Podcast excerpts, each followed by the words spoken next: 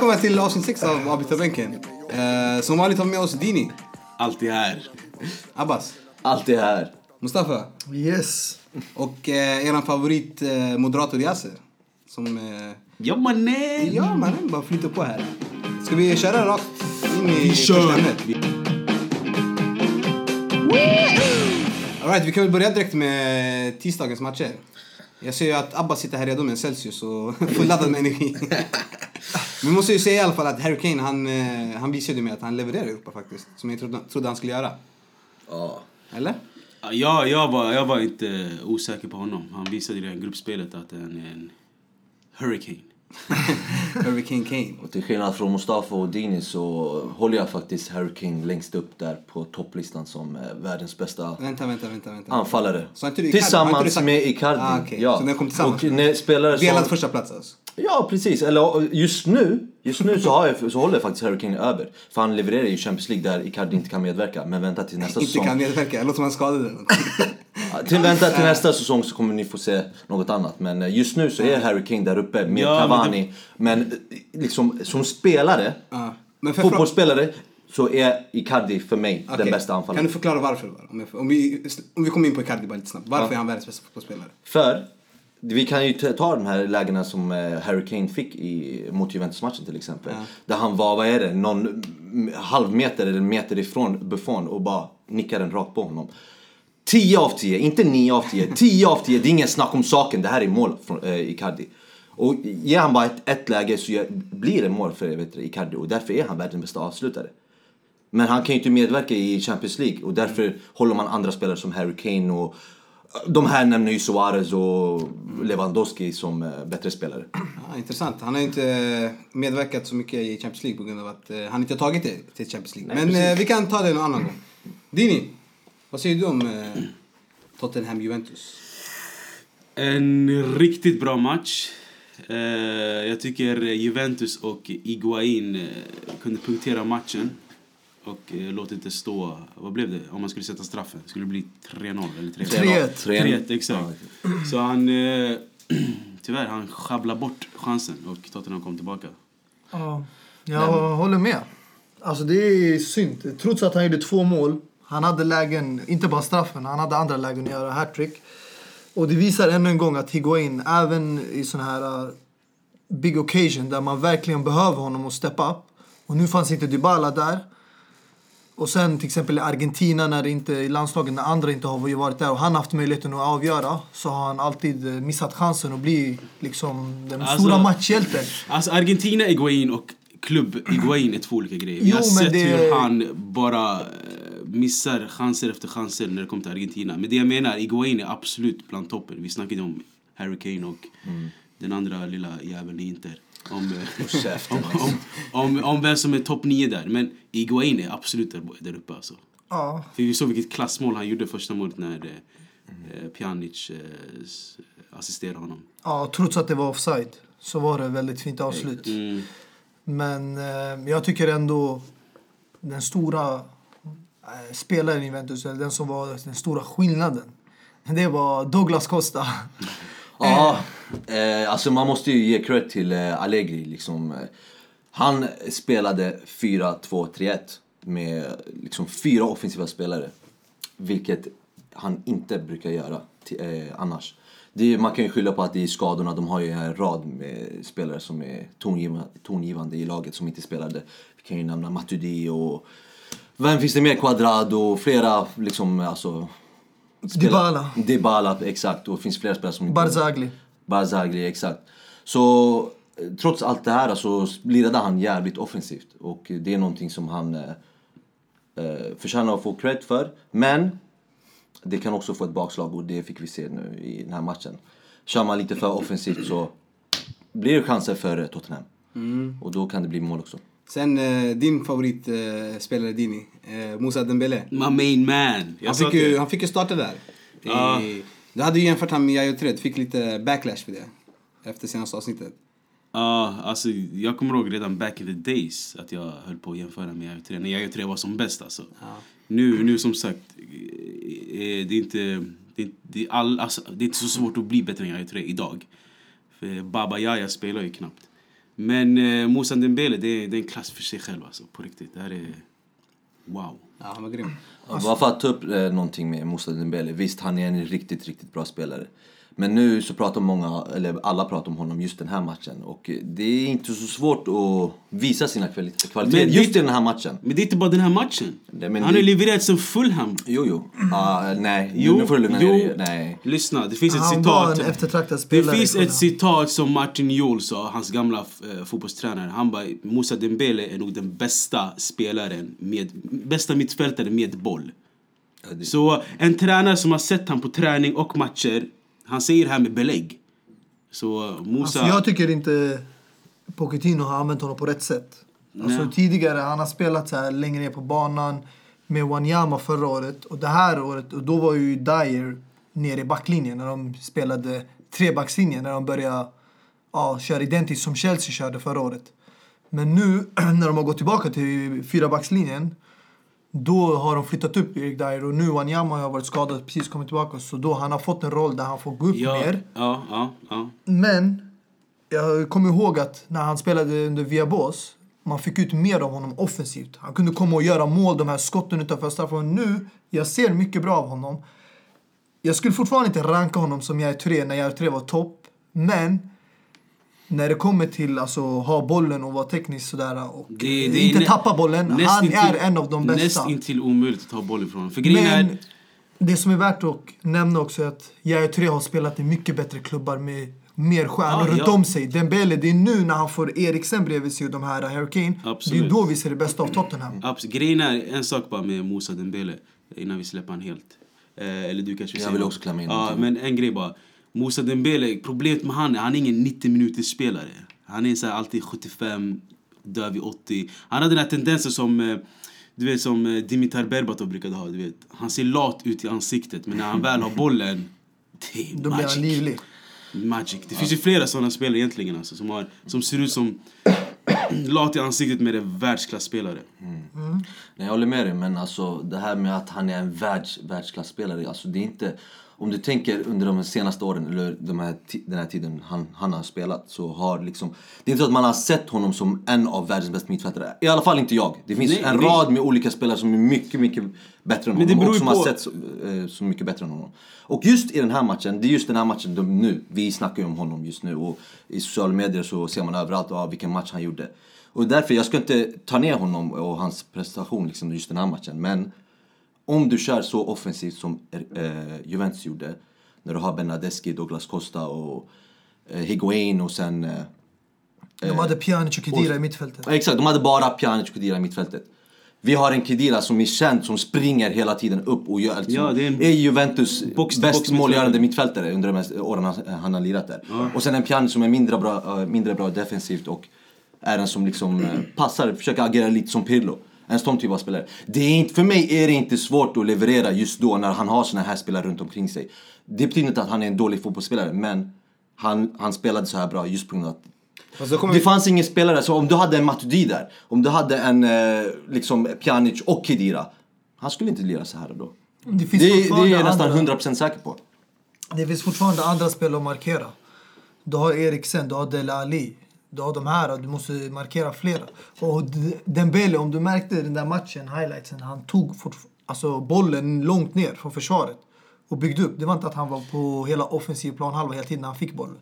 Men när de vann bollen från Juventus snabbt, då var de högt uppe på plan och pressade.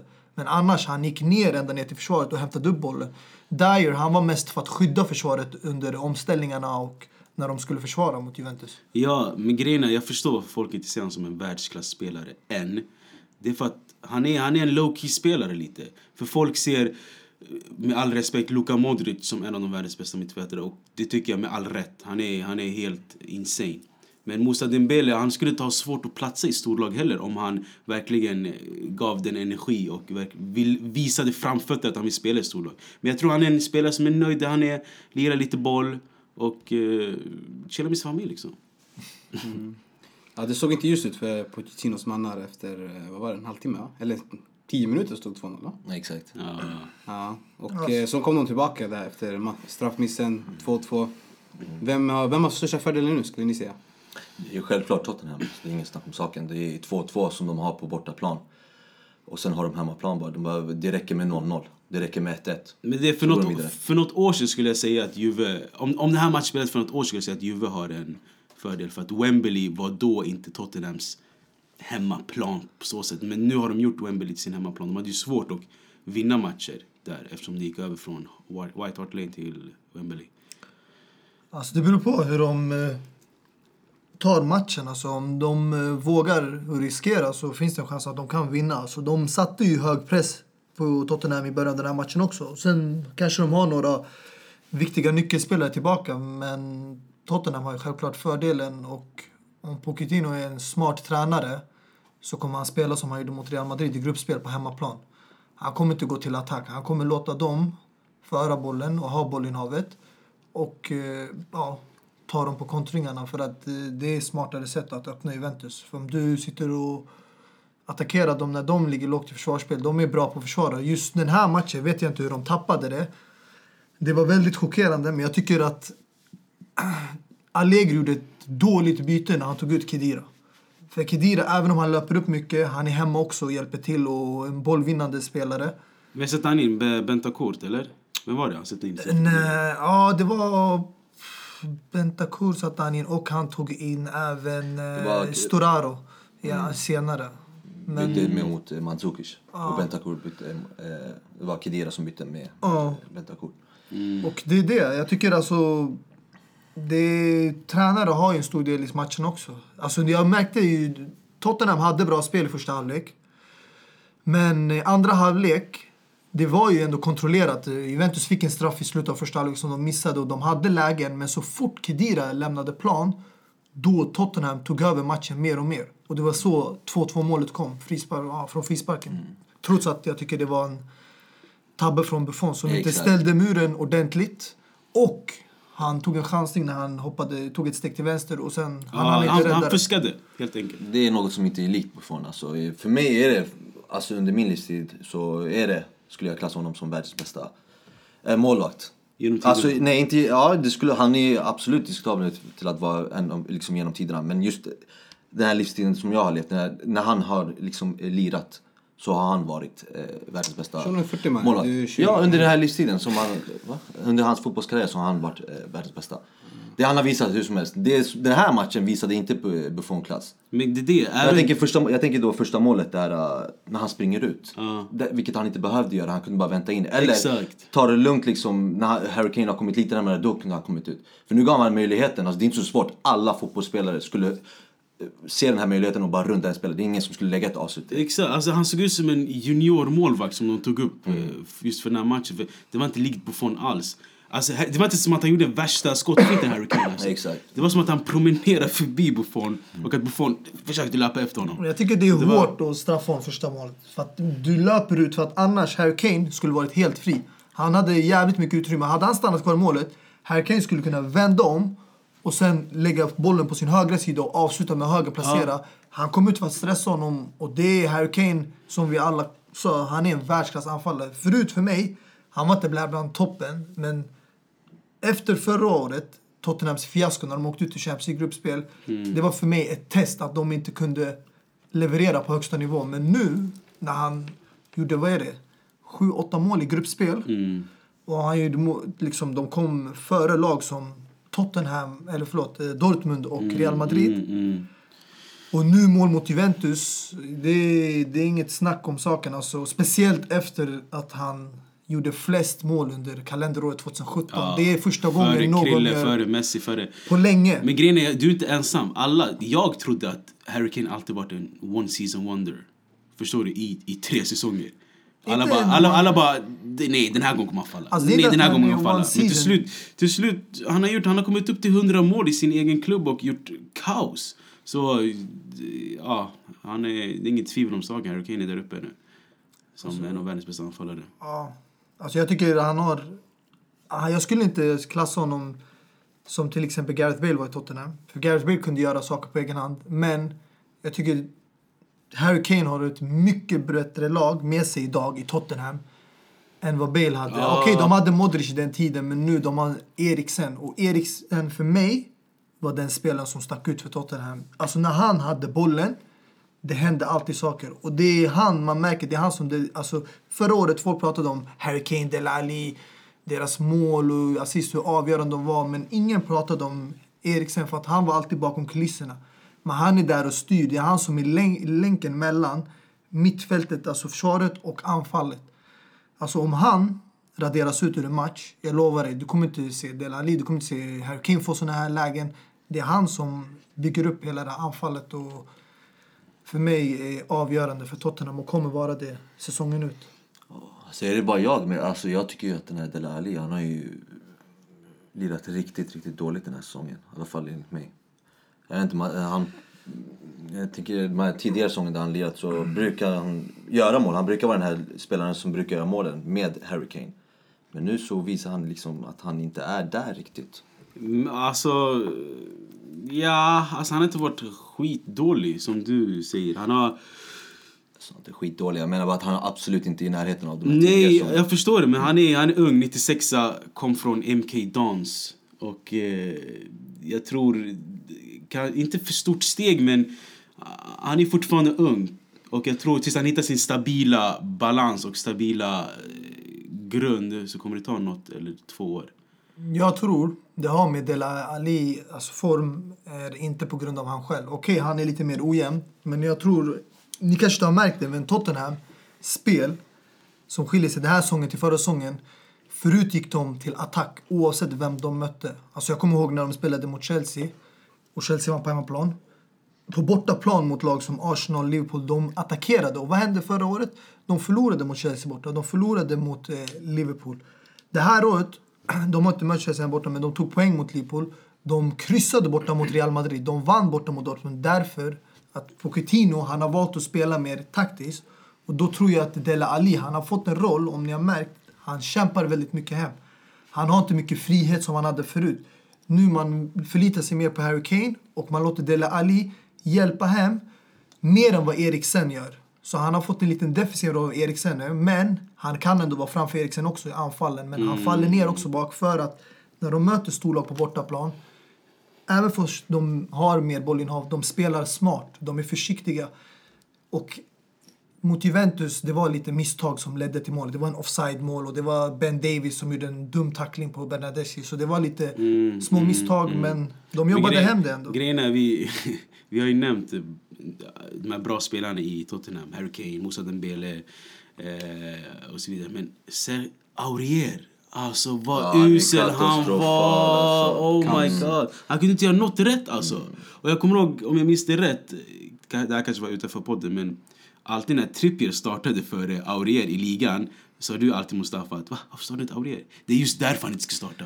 Men jag håller med dig, han var dålig, Han var men usel, alltså. han har ingen matchform. Han har varit bänk under hela Ja men, sätt han inte, ja men sätt han inte i en sån här Juventus-match för att få lite matchform. Helt låt, rätt. låt honom hoppa in 75 minuter mot Swansea eller... eh, Alltså, jag tror inte han kom in för matchform. Det var väl mer att, eh, ett taktiskt val.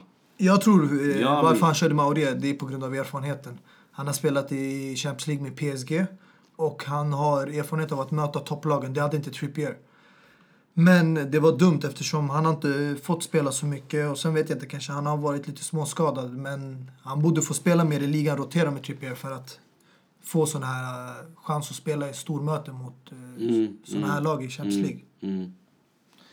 Ja, nej men eh, det, det kommer ju bli en helt annan matchbild nästa, eh, eller andra liksom matchen. Där förhoppningsvis för Juventus eh, del att de har Pjanic och flera andra, Matuidi och flera andra spelare tillbaka. Så, alltså, ja, Tottenham har ju fördelen men Juventus är ändå ett topplag och mycket större lag än Tottenham och mer erfarenhet så det skulle kunna bli en kross eh, eh, där Juventus också liksom mm. Vi får inte glömma bort, senast Juventus, jag vet inte om det var förra året eller förra, de spelade 2-2 hemma mot Bayern München. När de gick till Bayern Münchens hemmaplan, då tog de ledningen 2-0 med mål av Morata och Pogba. Men sen tappade de ju det till 4-2, men Bayern München är ett annat lag från Tottenham. Så, Och de hade Guardiola i den tiden. Så det kan, allt kan hända. Ja, sen hade vi ju den andra matchen, Basel, Basel City. Jag vet inte, har ni någonting ni vill säga där? Träningsmatch för mig. Alltså det var en riktig träningsmatch. Och på tal om Buffons tabbar, alltså jag menar vad gör den här målvakten i Basel? Alltså, Ja. Det var ju riktiga tabbar. Alltså alla målen som är... Alltså, Thomas Vaclik. Alltså du kan inte Var inte säga att första alla målen... mål. Jag tänker, och förutom det, alltså hela laget. Alltså, Gundogan, när blev han en spelare som, man, som kan nicka in bollar i så här trånga utrymmen, speciellt i en hörna? Då vet du inte vem Gundogan är. Alltså Gundogan, när han var i Dortmund, många, jag ville ha honom i Chelsea, många pratade om att han var en liknande spelare till Frank Lampard. Och alla vet Frank Lampard, han gör mål med huvudet, han gör mål med vänsterfot, högerfot. Han är en all-around mittfältare, han var box i box. Han är den bästa mittfältaren som är målgörare genom tiderna för mig. Det finns ingen mittfältare som gjorde mål på det sättet han gjorde och lika många mål. Och det är det jag ser likheten med Gundogan. Att han är en otrolig box-i-box-spelare och han har... Alltså, han har verkligen spring i benen. Han kan komma upp i hög fart och komma i de här ytorna och då kommer han framför försvararen som han gjorde i det där läget. Och det där var inte en målvaktstabbe. Det där nicken var omöjligt att ta för målvakten och det där avslutet från Agüero i hörnet. Han skulle aldrig in och hoppa ner dit. Det där jag ser inte dem som misstag. Det är bortsett från Bernardo Silva. Den skulle han ha räddat. Det var en tabbe. Jag tänkte inte bara målvakten, jag tänkte hela laget. Man ska inte släppa in Gundogan i det där läget. Alltså jag förväntar mig kompani eller någon stor som kommer in i det där, just det läget, inte Gundogan. Så jag tänker, som lag så, så kändes det som det var en riktig träningsmatch. Alltså det var... Till och med, jag, jag såg ju liksom, jag såg inte hela matchen sådär, men jag såg klipp och liksom highlights och det. Det såg inte ut som att det var en hög intensitet. Alltså det Du var, har, du har för höga det- krav på Basel bror. Nej, jag har för höga krav på när det kommer till Champions League. Ja, det men ba- ja. Även fast du möter ett sämre lag så ska det ändå vara ett, Men- liksom men- hög intensitet. det- Det här var träningsmatch iten- intensitet. Så det var inte liksom... Det var inte den här Champions League-matchen som man, eh, även fast det är ett sämre lag, så vill man ändå ha den här höga pressen och liksom hela det här. Men när du försvarar en hörna. Det är inte bara Du, hörnan. pri- det där är bara ett exempel. Du prioriterar inte Gundogan. Du prioriterar att markera spelare som Company, Otamendi, nu Agüero. Han är kort, men du prioriterar att alltså markera mittbackarna, eh, centralanfallare, de här stora spelarna. I Chelseas tid det var också så. Alltså, folk markerade de här och då finns det möjlighet för de här mindre spelarna, som exempelvis när Schneider i Holland gjorde mål med huvudet. För att ingen markerade honom, för att ingen såg honom som prioritet. Den här kortisen, han kommer inte få bollen. Men vi snackar, topp, vi snackar toppfotboll här. Och det spelar ingen roll om det, är, om det är Schneider eller någon annan. Alla ska markeras. Bara för att de är korta så måste, ska man inte eh, prioritera Det är- dem. Det är helt fel. Jag säger inte att de inte markeras, det är bara att det är mindre prioritet. Man lägger en annan är- kort mittfältare Jag tänkte- Ja, Champions ja League, grejen är alltså, exakt. Jag, jag vill bara tillägga, du säger Champions League, du har krav på Champions League. Men det är ju alltid ett, ja, ska jag säga skitlag då, som alltid alltså, kommer hit på något eller annat sätt. Det är aldrig helt en topplag som hamnar här. Så no, på något eller annat sätt, du kan aldrig komma undan att något stort lag kommer möta ett skitlag. Och just i det här fallet är Basel ett sånt här lag. Jo, jo. Så det jag menar, så att, att City vinner 4-0, det det är ingen alltså, chock alls. Det är, han, alltså han kunde ha startat med Zinchenko istället för Five. Han kunde ha startat med Phil Foden istället mig- för, för mig är det Kevin lite- De Bruyne. för De mig- skulle ändå vinna 5-6-0 tror jag. För mig är det ingen chock, men det är inte det här resultatet jag förväntade mig. Absolut inte. Speciellt på Basels hemmaplan. Nej, absolut inte. Jag förväntade mig mer liksom... Liksom press och mer från... eh, Mycket mer från eh, Basel-spelarna, men... det är det jag menar, jag fick den här träningsmatchkänslan. Ingen körde liksom, det var inte den här höga int- intensiteten. För min del, jag tycker bara att man är lite hård mot Basel eftersom Basels kvalitet, vart de kommer ifrån, så man kan inte jämföra City. Men om ni såg höjdpunkterna. Basel när det stod 0-0, de hade ett otroligt läge att göra 1-0. När eh, Ederson eh, sprang ut. Han kunde lobbat den över rakt in i mål. Jag vet inte vad han försökte göra, runda honom. Och sen hade de en straffsituation, jag vet inte om det stod 1-0 0-0 där. Där eh, Otamendi blockerade den där högerytten när han försökte, eh, ja, han dribblade förbi in i straffområdet. Och de kunde fått straff där, de fick inte beslutet med sig, de satte inte sina chanser. Matchbilden kunde sett helt annorlunda ut om de hade gjort det första målet. Men när du släpper in det första målet, då blir det en uppförsbacke tyvärr. Om vi går vidare till en annan träningsmatch då. Eh, Liverpool, Porto. Ja, 0-5. fy fan alltså. Mané bara hade lekstuga där. Inte lekstuga alltså, men... eh, Varannat mål har han gjort. Ja, nej, där, där, den här matchen behövde man ju för han har ju absolut inte levt upp till förväntningarna i ligan och i Champions League. Eller Champions League. Jag tänker mer spelmässigt. Och eh, man fick ju se det också i början av eh, matchen där Mané inte fick till det riktigt, eh, riktigt när det kommer till eh, avsluten och passningarna och så. Men sen när han gjorde det där första målet, och vi snackade om målvaktstabbar, det där är ju också en målvaktstabbe, första målet. Efter han gjorde det där första målet så fick han upp självförtroendet och eh, ja, det bara fortsatte. Ja, hur skulle du säga att Liverpool har klarat sig då utan Coutinho? Du som är ganska insatt i Coutinho. Jo, Liverpool klarat sig och klarat sig. De har ju fortfarande inte mött det här eh, liksom laget som bara backar bak och eh, kör, eh, kör för kryss eller något sånt där. Så eh, vi får avvakta med, när det kommer till det. Men när det kommer just till den här frågan, det, jag tänker ta upp det här lite med det Carragher sa. Att eh, den som replaceade Coutinho, det var eh, Van Dijk. Så även fast du inte har eh, liksom, eh, en spelare som kan passa bollen och sånt. Så har du stärkt upp försvaret alltså. Exakt. Så har du fixat försvaret. Lyssna grabbar. Mané i all ära. Bobby Firmino i all ära. Men min grabb Mo Salah. okej? Låt mig lägga en stats bara snabbt. På hans, han har varit involverad i 40 mål på hans senaste 36 matcher för Liverpool. Han har gjort 30 mål själv och 10 assist. Så för det jag tycker vi, vi, vi lägger den här senaste låten som Liverpool-fansen sjöng för honom.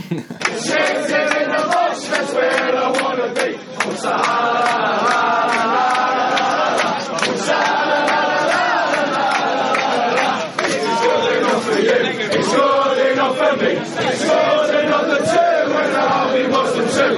It's good enough for you. It's good enough for me. Sitting in a bus, that's where I wanna be. Mosa la la la la.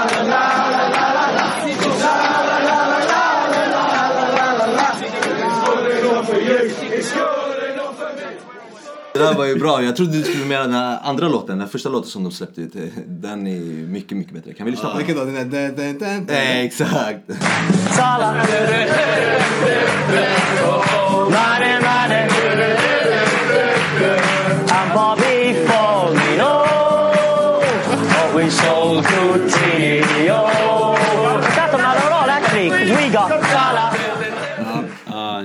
jag måste erkänna Abbas, den här var... Den här är mycket bättre alltså. Jag gillar också det faktiskt. Ja, när vi ändå är inne på Mo Salahs låtar och eh, då kan vi prata om hans eh, prestation. Jag måste säga, det är en spelare som har verkligen chockerat mig. Det här översteg mina förväntningar under hela säsongen. Jag trodde inte han skulle göra så här bra. I en liga, han har ju spelat där tidigare men han var mer rotationsspelare. Jag fortfarande håller inte med folk som säger att det var ett misstag att Chelsea släppa honom. För att jag tycker att Monsala är en otrolig spelare som jag beundrar. Och eh, jag är glad att det går bra för honom. Men jag tror inte han skulle passa in i ett lag som eh, Chelsea eller exempelvis eh, Arsenal United. Jag tror han är mer gjord för Liverpool och deras typ av spel. De är väldigt bra i omställningarna och så och eh, för mig nyckeln i den här matchen det var första målet. För att så fort Liverpool fick 1-0 och Porto var tvungen att flytta fram på sin hemmaplan. Det är det Liverpool älskar. De ställer om och väntar på att laget ska anfalla. Och som Abbas nämnde tidigare, de gillar ju inte att sätta hög press på lag som ja, faller ner långt bak. Så det var en perfekt start för dem. Få tidigt 1-0 och sen vänta in Porto som flyttar fram. Och sen har du Sané och, eh, förlåt, Mané då. Som gjorde hattrick och Salah som bara springer ruschar där med farten på kanterna. Och då blir det svårt att hinna ikapp där. Men eh, all creds till Klopp som har gjort det så här bra utan Coutinho. Klopp och Salah och Mané och vad ni vill. Men det finns ju en spelare som förtjänar mycket, mycket mer cred än vad han får. Och det är ju Bobby Firmino. Som jag har sagt flera gånger är en riktigt, riktigt duktig fotbollsspelare. Han är ingen sån där riktig nummer nia. Men han är den här falska nian och gör det bäst just nu i världen i alla fall. Alltså det, det är därför jag tycker också man får ut det bästa av Salah och Mané. För att hade du haft en targetspelare som till exempel Harry Kane. Då skulle inte de här synas lika mycket. Exakt. Men du har en Firmino som är en släpande anfall, en falsk nia som faller ner mycket långt i banan, plockar upp bollen bland mittfältet. Och det tillåter de där två att komma in i straffområdet högt upp på plan och löpa in mot mitten. Och då blir det mycket djupledslöpning, passningar där från James Milner, Henderson som hittar fram. Och förutom det så gör han också mål. Det är det som inte man... Alltså, det känns som att man tar upp det. Alltså Salah gör ju Och ligger många- bakom mål också. Exakt, Assist. ligger bakom och gör mål. Alltså, Alltså- han gör ju också mål. Men tillsammans, den här trion har gjort 63 mål. eh, Där, eh, alltså, in all competition Det som är heter. sjukt. Så Det är väldigt- galet. Jag, jag delar då den här eh, kommentaren som Carragher sa. Med att eh, PSG har Neymar, Cavani, Mbappé och Barca har Messi, eh, Suarez. Och alla har den här trion där framme. Och han säger då att Liverpools trio där framme är minst liksom, Ja, det är en trio på den kan- nivån som alla andra lag. Och det, Det- det håller jag med om. Det är en trio man definitivt kan räkna med. Med all respekt mot eh, Porto och Liverpool, om vi går vidare till... Som men för Mustafa- fan, vi måste som Mustafa kallar det, minifinalen. Ja, minifinalen. Real Madrid-PSG. Den eh, huvudstaden i Frankrike mot huvudstaden i Spanien va? Madrid mot Paris. Det är en otrolig match måste jag säga. Eh, Jag själv trodde att, ja, jag tror många trodde att PSG var favoriter. Men som vi vet, Champions League är en liga för sig själv för Real Madrid. Det är där de verkligen kommer upp till sin högsta nivå. Och speciellt när de möter såna här motståndare. Det känns som att de tappar mer när de möter mindre lag. Men när det väl gäller så, ja. Men alltså jag måste komma in i det Abba sa tidigare, jag vet inte om du kommer ihåg det själv. Jag tror det var till och med första avsnittet. Där alla Real Madrid-spelare är mätta. De har, de, alla de här har vunnit tre Champions League redan. Hela startelvan nästan. Om inte alla till och med. Nej, inte spelare som eh, Kroos. Eh, han har vunnit två Champions League. Ja, två till och med. Men ni förstår vad jag menar. Och Varane. De här är mätta, de här har vunnit allt. Och PSG, i min mening, de kunde ha avslutat den här matchen för länge sedan. Neymar missade lägen. Eh, Cavani, ja, Mbappé, Cavani, alla de här. Alltså, det kunde ha varit 2-3-0. Men vet du vad som verkligen överraskade mig? Det var att trots man känner till det hotet från Neymar, Mbappé, Cavani. Okej, Real Madrid är hemma. Men när jag såg matchen igår, jag blev chockad för att sättet som PSG skapar sina lägen, det var på snabba omställningar. Alltså Neymar och Mbappé var långt ner på planen och de skapade många lägen. De kunde ha gjort mål och död matchen. Men Real Madrid vågade ta riskerna och det är det jag respekterar med Zidane. Alltså Marcelo, snälla världens bästa vänsterback. Såg du vad han gjorde på kanten? Alltså han gjorde kaos. Alltså han skämde ut Daniel Alves. Alltså, Mycket världens bästa i den här podden alltså. Alltså för mig, alltså en spelare som får sådär mycket frihet, det visar tränaren, han är villig och tar risken att kunna förlora även om han möter sånt där lag där han vet att Mbappé och Neymar kan komma runt de här försvararna med en snabb kontring. Men Real fortsatte ändå. De låg under 1-0. Okej, de fick en straff med sig, men efter det, som Abba sa och du, PSG kunde ha stängt matchen. Men varför kunde de ha gjort det? För att Real Madrid flyttade så högt på plan. De vet att de möter ett bra lag och det är det som gjorde att de förlorade också exempelvis i El Clasico mot Barca för de, de tog de här riskerna. Men om du ska lyckas, som du säger, så måste du våga ta risken. Och jag såg inte spelare som var mätta igår. Jag såg spelare som var hungriga på att göra ännu större historia. Ja, alltså grejen är... By now, ni vet att jag gillar att ta upp siffror och grejer. Så PSGs el, alltså 11, kan vi bara gå igenom lite snabbt? Alltså målvakten, backarna och mittfältaren tillsammans kostar 70 mille. Okej? Bara, bara låt det där smälta. Och de här attacking trio, alltså Cavani, Mbappé och Neymar kostar 422 mille tillsammans bara. Förstår du vad jag menar? Och vad jag, det jag, det, det jag fram till? försöker säga är, när de här siffrorna kommer med i spelet det, ni, ni ska vara en match mot Real Madrid. Så jag tycker de gjorde det bra i början, PSG. De kunde ha stängt matchen. Men de, de lät det bara rinna ur sina fingrar, matchen.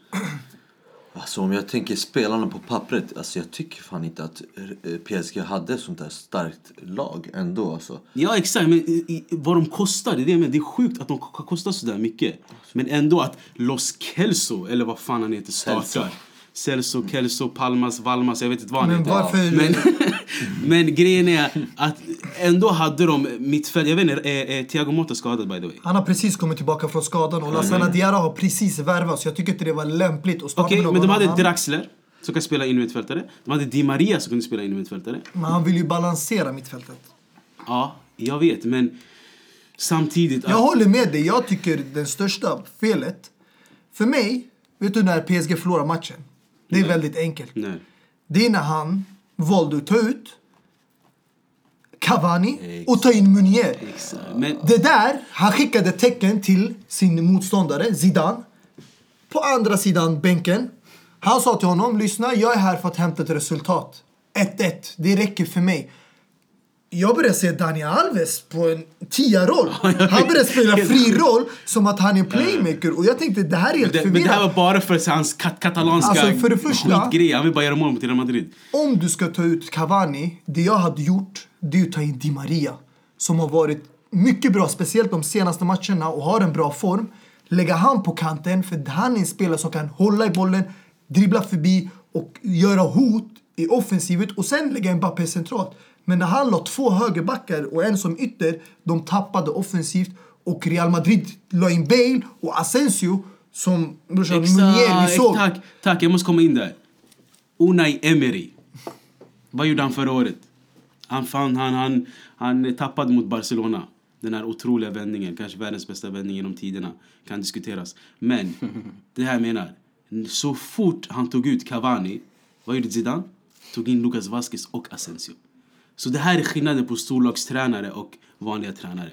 Och tyvärr, Unai Emery, mm, jag vet inte, säg vad ni vill om honom men eh, Alltså, det är han, är, han är lite feg. Alltså, det, är inte, det är inte bara det, jag tänkte mer alltså Man tar aldrig ut en central anfallare Det går inte att göra så, det är samma, alltså de tog ut Cavani eh, i den 65 minuten eh, Karim Benzema likaså i den 67 minuten Jag förstod inte varför de tog ut eh, Karim just då- Karim ja. För att, om ni nu, alltså om ni såg hela hur de startade och hur de spelade Det var bokstavligen ingen som var där i mitten där- Karim Benzema brukar, eh, liksom stod det var bara Bale som var på vänsterkanten och Cristiano som var på eh, högerkanten och ingen i mitten.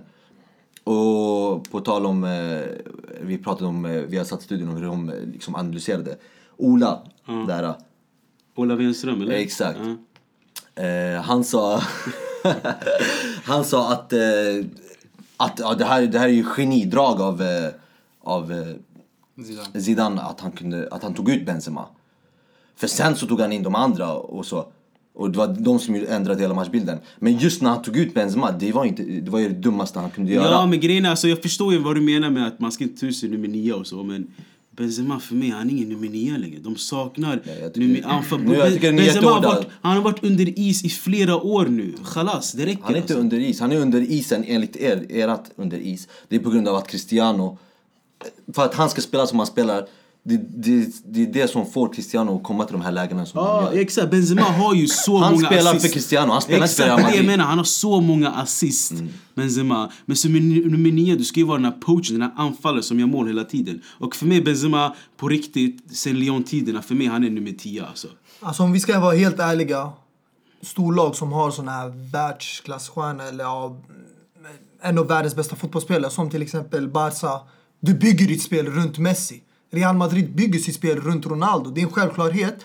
Och jag tycker att Benzema, det finns ingen ursäkt för honom för att i flera matcher när jag kollat La Liga, han har fått lägen, frilägen. Bara exempelvis nu när de vann 5-2 hemma. Ett läge där han får en boll in, det är öppet mål. Han skjuter den över. Alltså du får chanserna, du kan göra mål.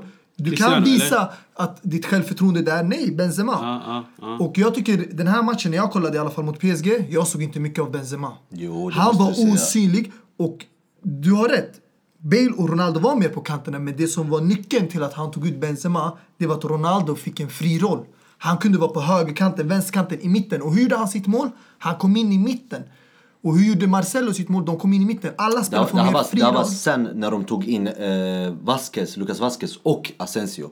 Det var då allt började hända. Och det var det jag menar med felet. Och hade han haft Benzema kvar och tagit in Bale och bytt, bytt ut honom mot ett Isco låt säga.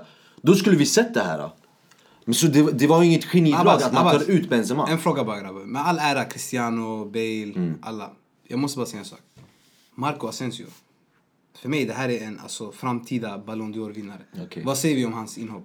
Alltså jag tycker vi ska vara försiktiga med Ballon d'Or-vinnare. Ja, men han är en otrolig spelare och det har inte han bara vi visat liksom nu, igår. Han, vi visade det i början av säsongen. Sen har inte han fått chansen lika mycket från start. Han fick spela mycket när eh, Cristiano var avstängd de fem första matcherna men jag tycker han kommer bli en mycket viktigare roll för Real Madrid om inte det är så att han lämnar för en annan stor klubb. Men eh, Ronaldo börjar närma sig sin slut och Benzema kommer förmodligen lämna så det är ju en ljus framtid för Asensio. Alltså vi kollar ju på det, liksom, slutresultatet 3-1 och vi tänker att matchbilden såg ut sådär att ja, Real Madrid hade, hade allting. Så är det inte fallet. Jag tycker att PSG var mycket, mycket... Det var en otrolig match. Båda var riktigt bra, men PSG var bättre än eh, Real Madrid och de spelade mycket bättre. Och eh, Mustafa, du nämnde att eh, Neymar, alltså de körde kontringar och sånt. Jag tyckte inte det. Jag tyckte Neymar spelade riktigt, riktigt bra. Alltså, Han hade show han, också. Det var show, ren Ja. show. Och sen måste vi eh, nämna också den här Mbappé, alltså vilken jävla lirare. Alltså jag trodde absolut inte att han var en sån här spelare. Alltså jag kollade på Monaco eh, förra säsongen. Eh, De matcherna som jag såg. Han var inte den här dribblen som han är nu. Inte som, i, i den här graden han är nu. Alltså varje gång han får bollen. Det är liksom det första han tänker på. Ja, jag ska dribbla förbi den här spelaren. Och, vi, och, och han lyckas också, det som är sjukt. Så allt det här kanterna de kom förbi och passade in och allting, det var bara ren show genom Mbappé och Neymar. De showade sig igenom eh, Real Madrids försvar och de spelade mycket bättre. Och med tanke på laget på pappret så tycker jag att eh, eh, PSG gjorde det riktigt, riktigt bra. Sen så måste vi också nämna, alltså jag tycker, jag är en sån här person alltså Cristiano, okej han gjorde två mål, ja. Men han, alltså jag tycker han spelade riktigt, riktigt dåligt annars. Det är det jag menar. För, alltså, det var inte Krille för något år sedan. Om jag får komma in i Cristiano bara lite snabbt. Det, alltså, genom tiden, han har ju förändrats som fotbollsspelare sen han var United. Och ju mer och mer det har gått, han har blivit en maskin bara. Där han bara spottar in mål. Det är bra i all ära, det har fått honom att vinna Ballon d'Or och eh, Champions League och EM och allt det, ja. Men det känns, det känns inte som att han har kul längre alltså. För i United, när han spelade hos oss, det var den här killen med alltså, glöd och fröjd för fotbollen. Nu är han bara ute för att göra mål och så fort han misslyckas, hela hans dag är rubbad. Så Cristiano, jag säger till er eh, Madrid, bring him, bring him home mannen! Han är saknad! En sak ni inte förstår, det är att sådana här spelare som Asensio Vasquez som från ingenstans kommer upp och presterar en sån här hög nivå i stormatch, inte bara det här året, förra året också när de var Champions League. Det är mycket på grund av Zidane, för de har ett förtroende av sån tränare, men att få spela bredvid en stor alltså, världsklasslirare som Ronaldo, det ger dem liksom självförtroende. De får liksom de blir extra motiverade. De spelar i ett lag som har precis vunnit Champions League och sen vinner för andra år i rad.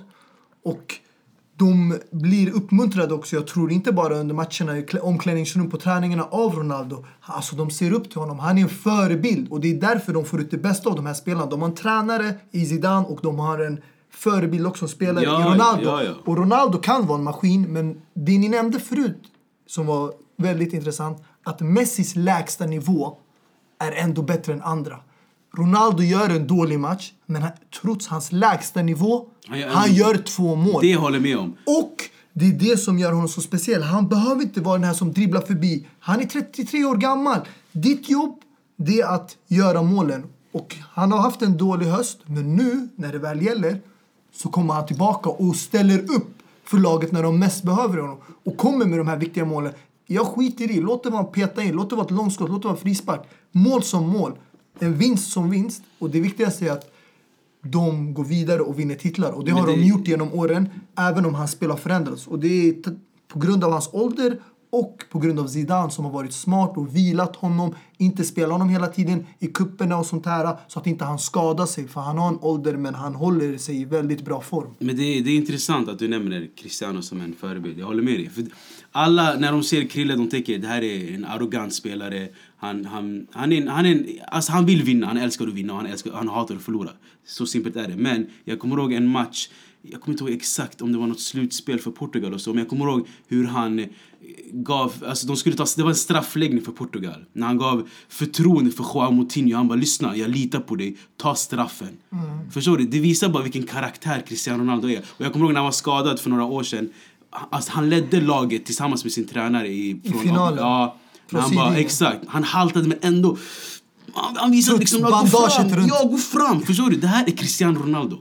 Det, det är det folk glömmer, det är det folk inte ser när de ser på planen. De ser bara en diva som vill göra mål och missar öppna lägen som en... Han grät när han lämnade planen, men han firade och hade glädjetårar när matchen var slut. Exakt.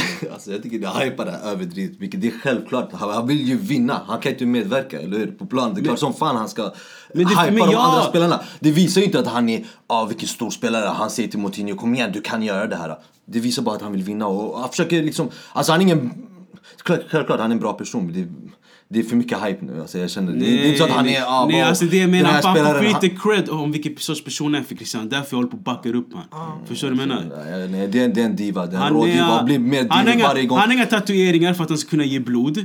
Det är massa sånt här som inte folk tänker, ser ja, alltså. jag, tänker på, en- jag tänker på plan. Jag tänker Benzema gör mål, jag tänker Bale gör mål, jag tänker vem som helst gör mål. Han, ska, han, han blir aldrig glad. Jo, han alltså, blir om aldrig glad. Jag har aldrig någonsin sett de här senaste säsongerna Se Cristiano springa på riktigt, löpspringa så som Messi gjorde till Ah, Coutinho. det det Förstår du? Jag har aldrig det någonsin det jag sett. Ronaldo göra Men det är det. det jag menar. Alltså genom tiden Cristiano Ronaldo har blivit en maskin, han har blivit en robot bara. Han är bara, han ser bara målet. Alltså- Allt annat är svartvitt. Förra, alltså nu bara senast igår, när Asensio gjorde båda assisterna, alla sprang till Asensio. Att en spelare får sån uppskattning för hans assist, för hans distribution när han kommer in och påverkar matchen så stort. Jag såg bara Ronaldo, okej han gjorde sin målgest men han kramade och lyfte Asensio. Jag jag, Och Marcelo gled på knäna till Asensio och kramade dem. Det är såna här Jag spelare, det, när de, Ballon vinner. Ja, de behöver den här uppskattningen. Jag säga, när de gör assist eller mål, spelarna går och kramar dem, lyfter dem och det visar att de uppskattar dem. Även deras ålder eller de sitter på bänken och spelar lite. Men ja, jag- vi måste inte ta ifrån PSGs försvar. Alltså, Nej, exakt, det var det jag Kim ville komma Pepe, för mig, det är en otrolig spelare. Ja, Även fast han var lite ur position i vissa delar av matchen. Men när jag ser den där talangen, han har en ljus framtid. Och vi såg det alla förra året på ja, PSGs hemmaplan mot Barca. Han satte Messi på plats.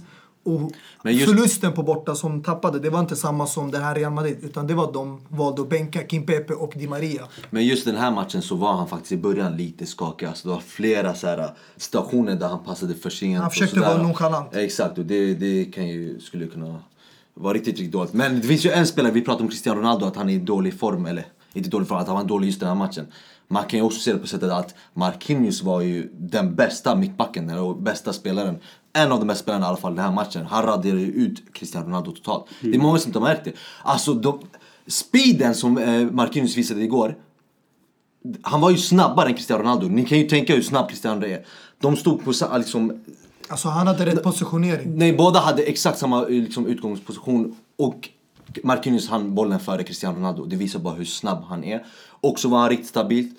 Och det fick Marqu- eh, Cristiano Ronaldo hålla sig i kanten. Han hade svårt när han var i Men du kan inte säga att han raderar Det- honom ut. Jo, han raderade Han honom totalt. två mål. Ja, ett på straff som inte han hade någonting med att göra. Det var Los Chelsea som eh, gjorde den där tabben. Och det andra målet där han bara... Magi av Asensio. Exakt, det var mest Asensio eller man kan också se Det som en tabbe. Han, han bara stod i rätt position och bara... Jag vet inte hur han ens gjorde det målet. Det var en rensning från Marquinhos som gick på Ronaldo in i mål. Sköt in bollen med magen. Dini, vill du avsluta det här eller har du någonting att tillägga? Nej, alltså jag, jag kan- bara säga att ni nämnde Kim Pempe och de här. Alltså, intressant hur många mittbackar Frankrike producerar nu. Kim Pempe, Varane, Umtiti. eh, Umtiti, Aymeric Laporte. Kurt Zuma! Diop. Han Men du kommer ser- komma tillbaka, han ska ta ser, Det kommer bli intressant alltså i VM. Eh. Men jag tänker också om PSG hade haft Thiago Motta, en som har liksom vinnarmentalitet för... Ja, tänkte man, om man ser det här laget som de spelade med senast, de har ju ingen spelare som har vinnarmentalitet förutom Neymar.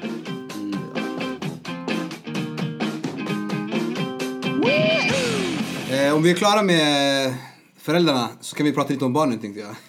Europa League. Vad händer ikväll bland annat? Fan. Det finns ju bara en match som jag ser fram emot i alla fall. Och det är? Och det är Borussia Dortmund mot Atalanta. Alltså! Det är en match där det är två offensiva lag och riktigt bra lag. Och Jag det, tänkte lite det mer- spelas ju i Dortmund, vilket är en otrolig arena. okej. Och det är just det laget i Serie A, Atalanta, som jag bara vill se i Jag förstår, nu du inte får se Europa League. Inter i, inte ens Europa League så kanske du har ögon på Atalanta. Men Det eh, närmaste jag kommit det är ju blåsvart som Atalanta har. Så. Nu för tiden så hör ju Milano-lagen hemma i Europa League. med världens bästa anfallare. Men om vi håller oss lite mer lokalt då. Jag tänkte det är värt att nämna, eftersom vi är ändå en svensk podcast. Östersund mot Arsenal grabbar. Jag ser, jag ser som Özil sa på sin Insta-story. Wow! Alltså för kylan eller? Wow. Exakt. De kanske får en uh, sköldchock där, chock där va? Ja, jag tror statistiken säger att Östersund eh, i gruppspelet, de har inte förlorat en enda match på hemmaplan. De har en bra form där och eh, jag hoppas på en eh, skräll där mot Arsenal. Utomhusarena, det vore fan Självklart. olagligt att spela där vädret alltså. Men de skulle ha mer fördel om de började i Emirates Stadium, Östersund. Och sen eh, liksom eh, välkomna Alltså chocka dem med isen sen här i Sverige. Så att, eh, nej det kommer bli en riktigt fet match alltså. Jag vet inte om det stämmer men jag har fått höra att de har konstgräs i Östersund. Jag skulle inte bli chockad. Varför inte? Alltså, det är inget fel med konstgräs. Alltså, det är fan... Frys inte vanligt gräs Men det är inte vad Arsenal-spelare är vana vid så det kan bli en fördel för dem tänkte jag. Det, så, det finns ju flera... De, europe- det, är, det är ändå Arsenal, in the end of the day alltså. Ah, men Men tror- kul, kul för Östersundarna i alla fall att de får eh, så många världsstjärnor till Alltså det är ju synd, grejen är deras arena tar ju bara in 8000 så grabbar som vi kan ju inte, vi får inte prioritet alls. Det är ju bara Östersundare och sen Arsenal. 8000 men jag kan tänka mig att de kommer låta oss av 50 000 alltså. Ja, ja, oh, Det ska ja. bli intressant att se om Arsenal Fan TV spelar in där i snöstormen utanför arenan efter matchen. Troops och DT, det skulle vara intressant att se dem här i, här i Sverige alltså. Nej, men man hoppas ju självklart att Östersund kan gå vidare i den här omgången och Även om- slå ut Arsenal så man får Men lite... det finns ju en annan skön match, eller två sköna matcher som jag tänker på också. Lyon, Villarreal och Napoli och Razon Bals mot Fy fan. Leipzig. Ja, på tal om Napoli, alltså vilket jävla... Alltså på riktigt, eh, skitlag alltså på riktigt. Speciellt den här tränaren, alltså en otrolig, otrolig tränare. Men så som han pratar, det är ju så jävla pinsamt alltså. Sarri eller? Ja, han, han fick, i den här presskonferensen, han, igår tror jag, eller förrgår. Så nämnde han eh, Leipzig, att han var så otroligt chockad och förvånad att det här laget eh, åkte ut från eh, Champions League och hamnade i, i Europa League. Europa League. Alltså, vad fan ditt lag då? Napoli, alltså hur, hur pinsam är du? Hur kan du... Det, det, det är väldigt Alltså- smart ändå, han försöker sätta rampljuset på uh, Leipzig och säga Nej, men det- hallå, hallå, ni var keffa, vi var inte keffa. Nej, det är, för mig, jag ser det på ännu värre sätt. Alltså, jag tänkte, vad fan, vadå, ser, är Napoli sämre lag än Leipzig? Tänkte jag. Alltså. Men det är känt, grejen, det är, mer, det är känt att de absolut inte satsade Men på grejen är Champions att- League. Nej, exakt, men det är och att, pinsamt. och att det var väntat att de skulle hamna här. Och Så, med det, exakt, och med det sagt så hoppas jag att Napoli inte spelar Champions League mer. Vilket inte, nästa säsong, de kommer ju säkert göra det självklart. Men, och det är därför jag tänker också Milano-lagen måste komma tillbaks till Champions du League. menar, det är ett du, måste. menar de respekterar inte Vi har Champions League? De respekterar inte Champions League. Alltså San Siro och Champions League, det hör ihop. Mil- Milan och Inter, Champions League, Jag- det hör ihop. Jag det är gillar, jag gillar att om du sa sånt. San Siro, inte Giuseppe Meazza. Giuseppe Meazza menar du? Och ja, det är samma sak. Giuseppe Meazza, San Siro, det Det, är samma det sak. låter bara kattig San Siro. Jag tycker hur? San Siro, men vi har tjafsat om det här förut. Men, ja. Hur som helst, Inter och Milan måste komma Fast tillbaka Milan, till Champions Milan League. spelar ju ikväll. De spelar i Europa League, precis. Så man får, jag som Inter-fan hoppas, faktiskt, ska jag helt ärlig, jag hoppas ju att de kan ta den här Champions Att de eh, League-platsen. bygger upp sin nya winning streak igen då, eller? Exakt, exakt. Jag tycker inte man ska kalla det en ny vinst. Jag tycker det här... De ligger på eh, ett plus nu. Det eh, blivit en bra form för Gattuso-gänget. Och ja, om de fortsätter på samma spår så har de stor chans att ta hem Europa League och kvala direkt till Champions League.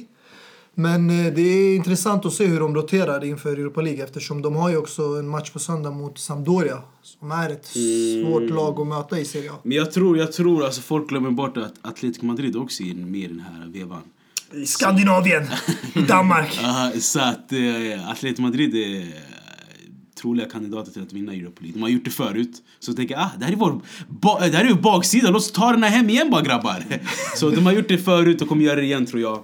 Ja, alltså, de är en av de starkaste lagen jämfört med eh, Arsenal och eh, Napoli, de här som inte har så mycket erfarenhet av att vinna Europa League och spela.